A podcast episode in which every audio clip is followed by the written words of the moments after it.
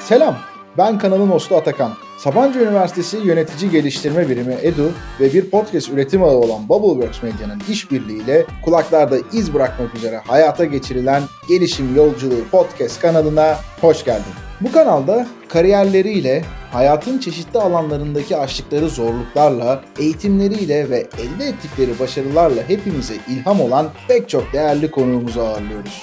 Kanalda 3 farklı serimiz var. Bu bölümde ülkemizde ve globalde çeşitli büyük ölçekli kurumlarda üst düzey yöneticilik deneyimi olan konuklarımızla konuştuğumuz yöneticiler için fark yaratacak yaklaşımlar ve metotlar serisinden harika bir içerik seni bekliyor. Keyifli dinlemeler. Herkese selamlar sevgili gelişim yolculuğu dinleyicileri. Yeni bir bölümde daha birlikteyiz ve bu bölümde de yöneticiler için fark yaratacak yaklaşım ve metotlar serimizde kulaklarınızdayız. Her zaman olduğu gibi çok değerli ve oldukça deneyimli bir konuğumuz var. Unilever Global Strateji Direktörü sevgili Alper. Hoş geldin abi. Selamlar nasılsın? Selamlar Atakan gayet iyiyim. Sesin de çok keyifli geliyor. Çok memnun oldum burada olduğuma. Çok teşekkür ederiz valla. Ben de aynı şekilde çok böyle yoğun bir tempo içerisinden işte Londra'da, Sri Lanka'daydın. Şu an bir İstanbul'da. Akabinde yeniden herhalde Londra'ya doğru bir geçişin olduğu bir tempo var. Orada da bize vakit ayırdığın için çok teşekkür ediyoruz. Ben teşekkür ederim. Her zaman benim için çok büyük bir keyif. Naçizane yaşadıklarımı paylaşmak, dinlediklerimden öğrenmek. O yüzden büyük memnuniyetle bunu yapıyorum. Süper. Çok teşekkür ederiz. O zaman istersen hızlıca böyle bir seni tanıma faslına doğru da geçiş yapalım. Tabii ki. Böyle bize bir hem profesyonel taraftan hem de genel deneyimlerinden biraz böyle sosyal yaşamdan da belki bir kendini anlatarak başlarsan süper olur. Yaklaşık 18 senedir ünlülerde çalışıyorum. Son işimde senin de bahsettiğin gibi Londra'dayım. Global strateji direktörüyüm. İnsan kaynakları ve dönüşüm departmanında diyebiliriz. Ve bir tane insan kaynakları ve dönüşümden sorumlu bir başkanla çalışıyorum. Aynı zamanda kendisinin Chief of Staff rolünde. Ona da yardımcı olmaya çalışıyorum. Bu yolda da gelirken bundan önce Ünlüver Türkiye'de güzellik ve kişisel bakım departmanından sorumluydum. Ondan önce ev bakım departmanında çalıştım. Daha önce yine Londra'daydım bu arada. Global medya direktörü olarak çalıştım. Ondan önce de İtalya'da dondurmadan sorumlu global ve bölgesel ürün müdürü olarak çalıştım. Daha öncesinde de Ünlüer Türkiye'de 2005 yılında genç bir ürün müdürü yardımcısı olarak başlamıştım kariyerimi. Ünlüer kariyerim böyle. Okul tarafına gelirsek ODTÜ mezunuyum, iktisat ve işletme. Bir sene Amerika'da exchange öğrencisi olarak çalıştım. Hatta bu arada Sabancı Üniversitesi'nde de 3-5 ay MBA bölümünde okumuşluğum da var. Ama ünlülerden iş fırsatı çıkınca Unilever'e doğru geçmiştim. Kariyer tarafı böyle daha da detaylı konuşuruz istersen. Kişisel tarafa gelince de nelerden hoşlanıyorum? Daha çok Covid ile birlikte hayatıma giren bir sürü hareket odaklı hobi var. Dans var bunların içinde. Yoga var. Pilates var, gym var. Çok fazla hareket, aslında beden farkındalığı ve biraz daha o akıl tarafında yapılan şeyleri bedenle dengeleme gibi bir ihtiyaçla karşı karşıya kaldığımı fark ettim 30-35'lerden sonra ve daha çok onlarla ilgileniyorum. Onun dışında seyahat etmeyi çok seviyorum. Senin de bahsettiğin gibi yılbaşı civarı Sri Lanka'daydım babamla birlikte. Yaklaşık böyle bir 3-4 gün önce İstanbul'a geldim. Pazar günü Londra'ya geçeceğim. Yine ondan farklı olarak hem kendi kişisel gelişim hem de gençlere birazcık daha faydalı olabilmek adına koçluk eğitimi aldım. Boş zamanlarımda genç yeteneklere koçluk yapmaya çalışıyorum. Aslında bu da biraz benim 30'lu yaşlarda tanıştığım bir koç. Onun benim gelişim üzerinde olan etkisi ve bunu benim başkalarıyla paylaşma ihtiyacımla doğan bir serüven. Daha önce yine Bilgi Üniversitesi'nde pazarlama dersleri vermişliğim var. Aslında şöyle özetleyebilirim. Benim burcum Koç burcu. Astrolojiye ilgisi olanlar bilir. Biraz daha böyle kişisel gelişim ve öğrenme zayıf karnım benim. Dolayısıyla kendimi sürekli yenilemek, öğrenmek için farklı şeyler yapıyorum diyebilirim. Anladım süper. Ben de bir koç burcuyum. İki koç burada. Oo süper. güzel bir süper.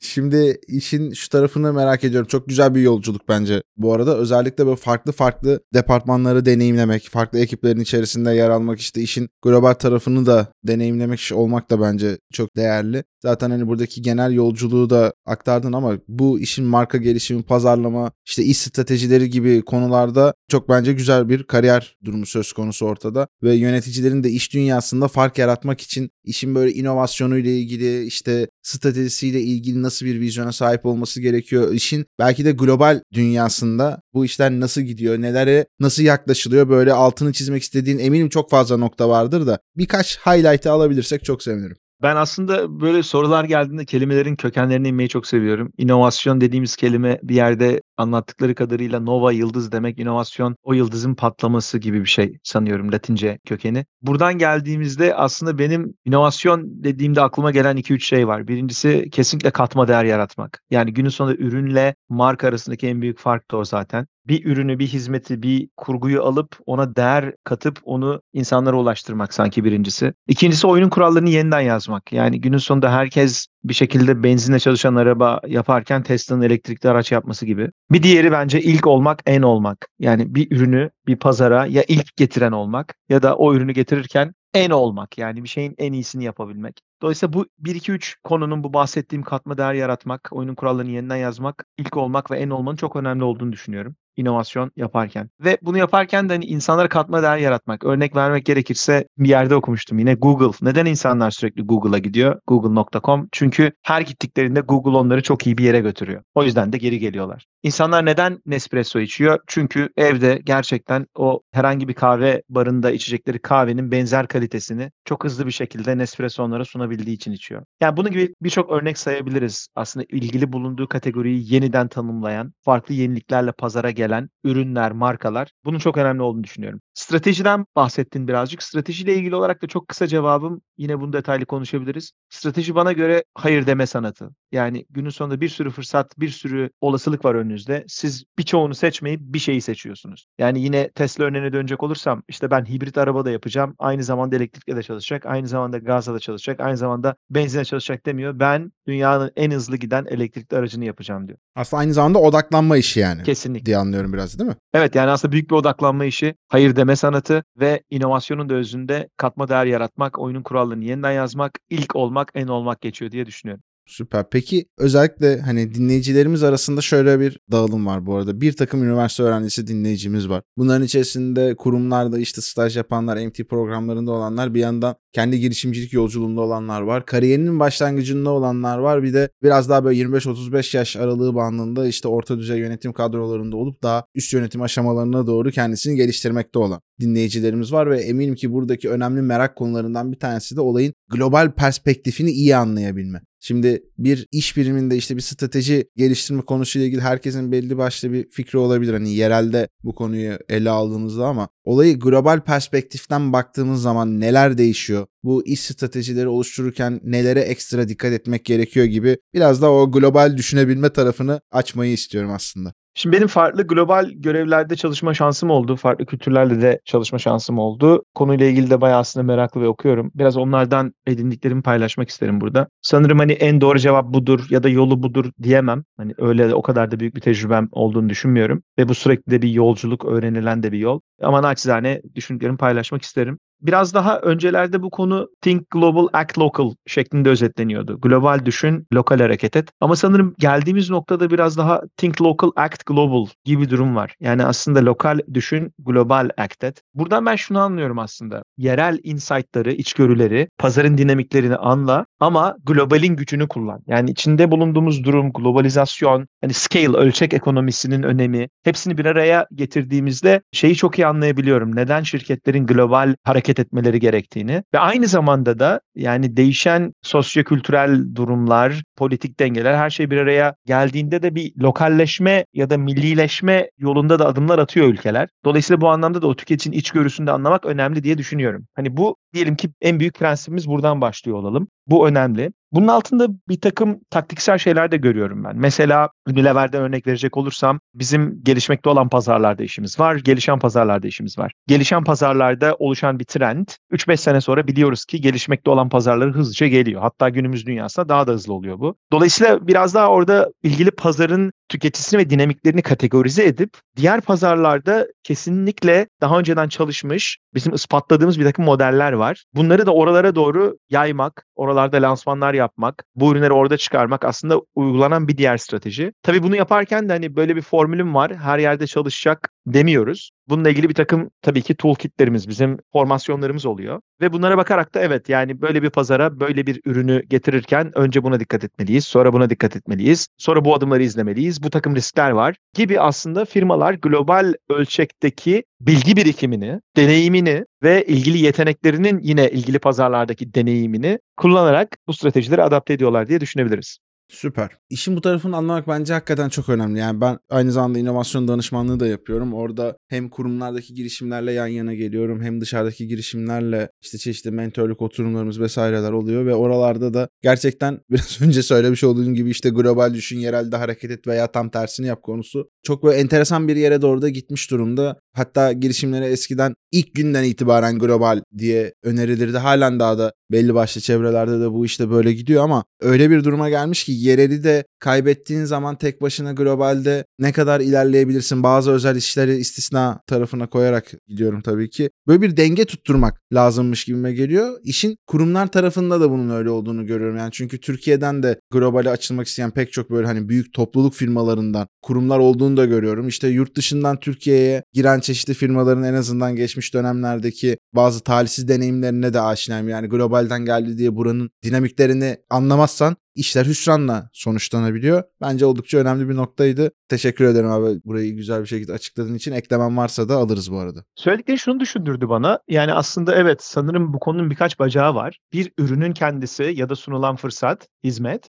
Bir diğeri bence yani ilgili talent, yetenek. Yani günün sonunda evet yani atıyorum Uber global bir fikir. Getirdin bunu başka bir pazara. Ama o pazarı anlayan yeteneklerle o pazarı yönetmezsen o da zorlandığın bir alan olabiliyor. Tabii şimdi burada belki şeyi de ayırabiliriz. Hani ürün daha böyle tüketin tükettiği, yediği, içtiği bir şey mi? O zaman belki daha lokal olabiliyor. Ya da daha teknolojik bir şey mi? Yani günün sonunda evet bir takım yasalar şunlar bunlar var ama teknoloji platformları genelde çok hızlı globalleşen platformlar. Yani bugün Instagram bir anda x milyon kullanıcıya ulaşabiliyorsa bunun sebebi hızlıca global olabiliyor olması. Hani sanırım o taraflarda biraz daha kolay. Ama ne zaman ki ürün daha böyle yenilen, içilen, giyilen bir şey olduğunda sanırım biraz daha lokal içgörülere ihtiyaç oluyor. Tabii ki. Aslında o talent, yetenek konusuna değinmiş olman bence çok iyi oldu. Kurum kültürüyle de ilgili bir şey. Ve o kültürü gitmiş olduğun coğrafyalardaki farklı kültürlerle uyumlandırabilme işi. Bu da sanki çok büyük oranda sahayı anlama, toplumu anlama, toplumun sorumluluklarını anlama ve aslında toplumsal anlamda sorumlu, etki yaratabilen,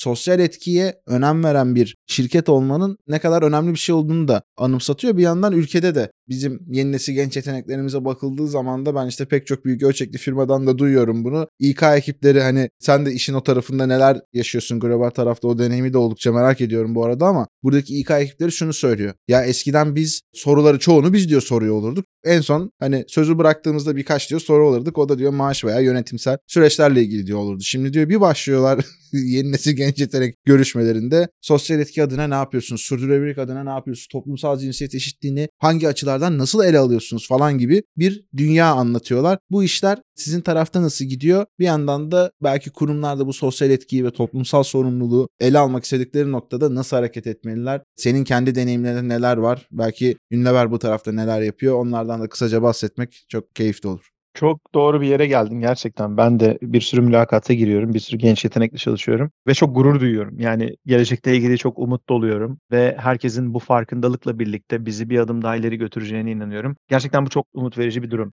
Unilever'e gelecek olursam biraz daha ben bu konuda kendimi şanslı hissediyorum. 2010 yılındaki CEO'muz Paul Polman belki zamanın biraz da ilerisinde bir CEO'ydu. O zamanlar bize yeni bir strateji getirmişti. Hatta bence şirket olarak bile tam anlayamadık zamanında. Ama geri dönüp baktığımda hem de sektörde olan kendisine referanslardan çok da vizyoner bir iş yaptığını görüyorum. Bizim amacımızı bize hatırlattı Paul Polman ve aslında Sustainable Living Commonplace yani sürdürülebilir yaşamı herkese erişilebilir kılmak dedi bizim amacımız şirket olarak. Ve bununla birlikte de bir vizyon bize tanımladı. Bu vizyon da sürdürülebilir iş dünyasında lider olarak daha kazanan performans sağlamak şeklinde vizyonumuzu ortaya koydu. Ve bunu yaparken de dedi ki yani bizim sadece serve etmek istediğimiz yani ona iş yaptığımız insanlar, çalışanlarımız, tedarikçilerimiz değil. Biz birçok insana karşı sorumluyuz ve bunun bir tanesi de aslında en sorumlu olduğumuz kurumlardan ya da entity'lerden bir tanesi de içinde bulunduğumuz dünya, gezegen dedi. E bunu yaparken de bizim markalarımızı iyilik adına bir güç olarak kullanmak ve bunlarla birlikte sosyal etkimizi maksimize etmek şeklinde vizyon ortaya koydu. O zamanlar aslında kurumsal sosyal sorumluluk projelerinden bahsedilirdi ama Paul Polman bundan çok daha öte olduğunu, markaların amacının içinde bir yerlerde bunun olması gerektiğini söyledi. Ve üç başlıkta bunları kategorize ediyoruz biz. İçinde bulunduğumuz gezegenin sağlığını daha ileriye götürmek, insanların kendi olan özgüvenini ve sağlığını ilerletmek ve daha eşit, daha adil, daha dahiliyetçi bir dünyaya katkıda bulunmak. Aslında bunları yaparken de her markanın, her departmanımızın bunun içinde aldığı bir rol var ve aslında bütün bunları yaparken de yine dediğim gibi global dünyanın da gitmek istediği yerle birlikte şirket olarak buna nasıl katkıda bulunabiliriz'i ön plana çıkardı. Bu Unilever örneği yani aslında buradaki en büyük öğreti ne benim gördüğüm? Bunu böyle hani sonradan pastanın üzerine eklenen bir süs gibi düşünmemek. Bunu aslında belki de pastayı oluşturan o malzemelerin içinde bir yerlerde yapmak diye düşünüyorum. Amaca entegre etmek ve aslında herkesin, bütün çalışanların, markaların, yapılan işin bu toplam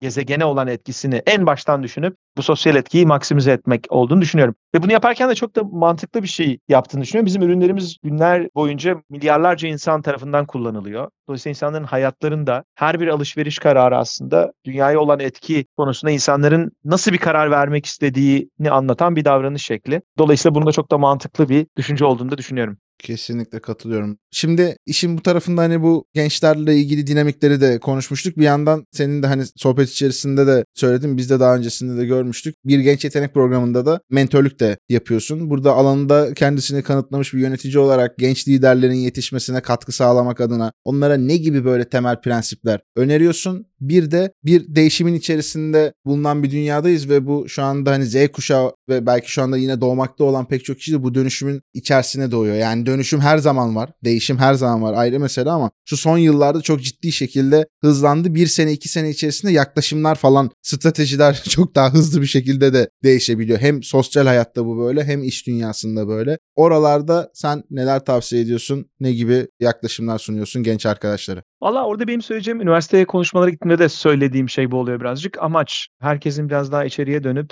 ben ne yapmak istiyorum, nasıl bir etki yaratmak istiyorum bu dünyada sorusunu sorması lazım. Tabii bunu böyle söyleyince çok büyük bir cümle gibi de duyuluyor bir taraftan. Bu kadar da hani büyük değil ama böyle yaptığın her olayda izlediğin yönetici olabilir, yaptığın stajlar olabilir, girdiğin ortamlar olabilir. Yani ben ne yaptığımda kendimi daha heyecanlı hissediyorum. Bu dünyadaki etkimin arttığını hissediyorum. Sorusunu hep bir arka planda sormak lazım. Mesela ben kendi adıma bu soruyu sorduğumda içinde bulunduğum düzeni daha iyiye götürmek, bunu biraz daha böyle challenge etmek yani zorlamak ve geleceğe doğru geliştirmek şeklinde bir amacım olduğunu düşünüyorum. Yaptığım bütün pazarlama kampanyalarında ya da yönettiğim işlerde nasıl olur da bu işi geleceğe taşırız? Nasıl olur da bu işin etkisini daha pozitif bir hale getiririz? Nasıl olur da insanlık adına bir tık bu işle ilgili bir etki yaratır, fayda sağlarız gibi bir yerden yaklaşıyorum. Dolayısıyla birincisi amaç olurdu sanırım. Bir diğeri az önce de buna değindim. Biraz şey zor ya böyle gençlik halimi düşündüğümde ya ben ne yapacağım? Hangi işte çalışacağım? Gerçekten istediğim şey olacak mı sorularını ben de çok sordum kendime. Tabii büyük muammalı bir dönem orası. Kesinlikle ve yani hepimiz sorduk. Ben o gün burada olacağımı hayatta düşünmezdim ve o gün burada olacağımı söyleseler de dün imza atar okey derdim. Ama yani onu yaparken de neyi gördüm? Hep böyle o zamanlar üniversiteye gelip konuşan şirketlerden insanlar vardı. Onlara baktım ya ben bu kişi gibi olmak istiyor muyum? Sorusunu hep sordum kendime. Yine o zamanlar Unilever'in pazarlama direktörü Mehmet Altınok eski CEO'muz ODTÜ'ye geldiğinde bize iki tane reklam göstermişti. Biri Apple'ın Think Different, farklı düşün reklamı. Bir diğeri de Omo'nun Kirlenmek Güzeldir reklamı. O iki reklamı izleyip ya evet ya ben de böyle şeyler yapmak istiyorum. Yani bu reklamların bende bıraktığı etkiyi ben de insanlarda bırakmak istiyorum. Evet ya Mehmet Altınok'un işi ne kadar güzelmiş. Keşke bir gün ben de ünlerde çalışsam. Evet ya bazen gerçekten insan hayallerini başka insanlar üzerine yansıtarak da onların ne olduğunu anlayabiliyor. Bir diğeri bu derdim sanırım. Hani etrafınızdaki insanlara bakın. Artık ya sosyal medya da çok bu konuda bize avantaj sağlıyor. Zaten bunu söylerken bir parantez açayım. Hani orada tabii her şeyin en olumlusunu görüyoruz. Biraz daha objektif bakmak lazım. İkincisi bu. Bir üçüncüsü de bir kitaptan bahsedeceğim. How Will You Measure Your Life diye. İngilizce ismi ne yazık ki Türkçe'ye çevrildim bilmiyorum ama Clayton Christensen isimli bir yazarın. Orada bahsediyordu birazcık. Yani genelde benim hatırladığım kitaptan şuydu. İnsan kariyerinin başında bir yerlerde biraz daha farklı şeyler denemeli ve bundan ne bana iyi geliyor, ben ne de iyiyim, nerede fark yaratabilirim anladığında ondan sonra biraz daha vertical, yukarıya doğru gitmek hedefleri olmalı diye düşünüyorum. Dolayısıyla kariyerin başlarında bence şey çok güzel bir rota. Atıyorum iki sene kurumsal hayat, iki sene startup dünyası olabilir, kendi işi olabilir. Zaten günümüz gençleri de birazcık daha böyle yönetiyor hayatlarını. Ve belki de evet budur dediğinde biraz daha uzmanlaşmaya çalışmak. Dolayısıyla önerilerim bu 2-3 başka toplanabilir. Süper. Bence çok güzel özetledin abi. Bir yandan ben de oradaki kendi kariyer yolculuğuma baktığımda yani işte İTÜ'de maden fakültesi tarafından mezun olup ondan sonrasında o arada böyle location intelligence alanında bir girişimcilik yolculuğu deneyimlerken sonrasında kendimi bir şekilde biraz da böyle nazire yapma amacıyla hobi gibi girmiş olduğum yeni medya yolculuğunda burayı sevmiş ve tutunmuş bir kişi olarak buldum ve aslında bence işin şöyle bir tarafı var. Birkaç kere oraya vurgu yaptım. İşin değişim tarafı. Bu değişimi yönetebilmek, hem bireysel anlamda hem toplumsal anlamda değişen farklılaşan konuları takip edebilmek bence oldukça önemli. Hatta Sabancı Üniversitesi Edu'nun da benim orada çok sevdiğim değişim yönetimi eğitimi diye bir programı var. İlgililerin oraya bakmasını tavsiye ederim. Biraz önce senin söylediğin gibi çeşitli kaynaklarla, kitaplarla kişilerin kendisini geliştirmesi de bence oldukça önemli. Bu da bence biraz trendleri de doğru iyi bir şekilde de takip etme noktasına da geliyor. Böyle yavaş yavaş bölümün sonuna da yaklaşıyoruz. Senin takip ettiğin iş dünyasında geleceğin trendi veya bugünün trendi çok da hani böyle biraz klişe gibi olan ama yapay zekanın mutlaka cevaplar arasında yer aldığı ama yine de içselleştirmekle ilgili halen daha sıkıntı yaşadığımızı düşündüğümüz konular. O yüzden sormayı seviyorum. Bir de bu trendler nedir'in ötesinde de yönetici adaylarına veya yöneticilere bu trendlere uyum sağlayabilme konusunda neler tavsiye edersin? Buralarda ne gibi böyle kilit yetkinlikler, yetenekler gerekiyor? Şimdi az önce söylediğim bir şey hatırlattı. Söylemeden edemeyeceğim. Bu Steve Jobs'un diyor ya hani o noktaları, yaşadığınız olayları ancak yaşadıktan sonra geriye dönüp birleştirebilirsiniz. Bunu da söylemek istedim çünkü yani birazcık böyle gençler hep şey ya stres oluyor ya doğru mu rotayı değiştirmeli miyim şimdi ne olacak? Büyük gibi görünen kararlar aslında uzun dönemde baktığınızda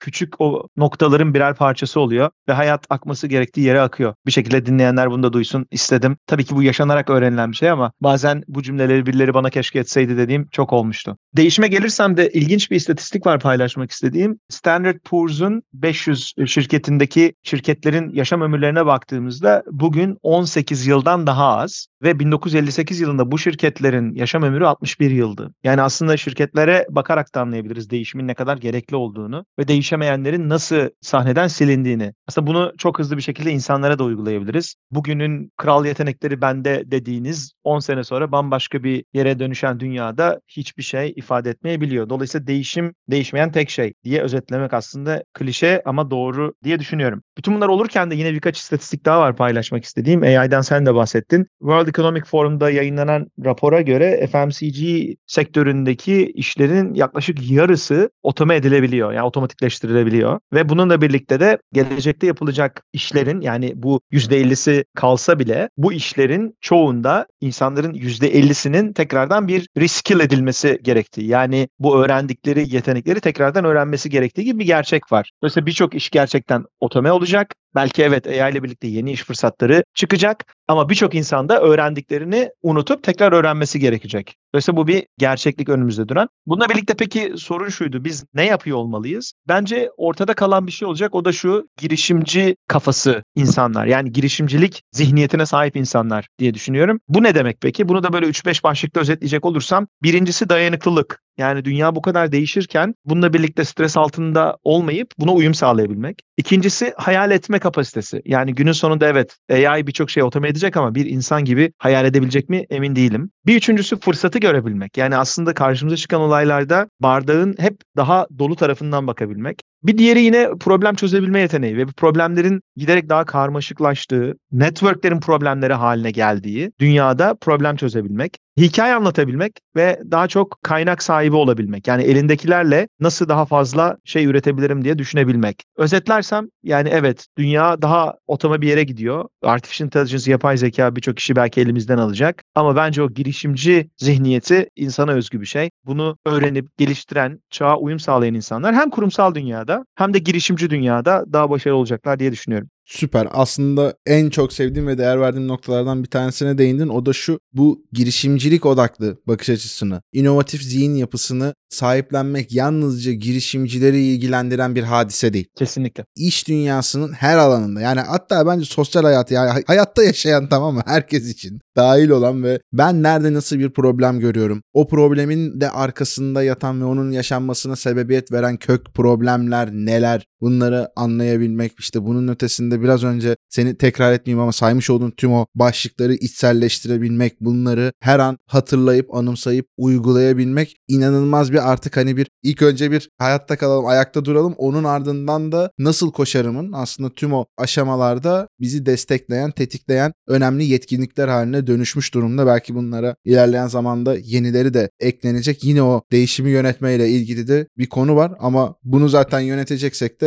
biraz önce çok da güzel söyledin o girişimci kafasına sahip olmak ve bunu hiç bırakmamak gerekiyor. Evet yani kolları sıvayıp çözmek. Hani onu böyle izlemek değil de bir şeylerden fırsat yaratan insanlar da onlar. Dünyaya etki bırakan insanlar da onlar. Bir problem görüp aslında networkleri harekete geçirip bu problemi çözmek. Kesinlikle. Vallahi Alper çok keyifli bir sohbet oldu. Çok da böyle güzel deneyimlerini dinledik, tavsiyelerini aldık. Bölümün yavaş yavaş artık kapanışına doğru da geçiyoruz ama senin son olarak eklemek istediğin bir şey var mı? Özellikle burada belki bizi dinleyen yönetici, yönetici adayları için veya biraz önce saydığım tüm sevgili dinleyicilerimiz için burada başarıyı, yükselişi sürdürülebilir kılmak, sürekli kılmak aslında oldukça önemli bir şey. Burada özellikle şu stratejiyi benimserlerse, şu yaklaşımı bırakmadan devam ettirirlerse bu yol zaten kendiliğinden güzelleşerek devam eder diyebilecek olduğun tavsiyelerin varsa veya senin başka eklemek istediklerin en son onları da alarak yavaş yavaş kapanışa geçelim. Ben iki koç burcu olarak hiç kapatamayacağımızı düşünüyordum ama e, sanırım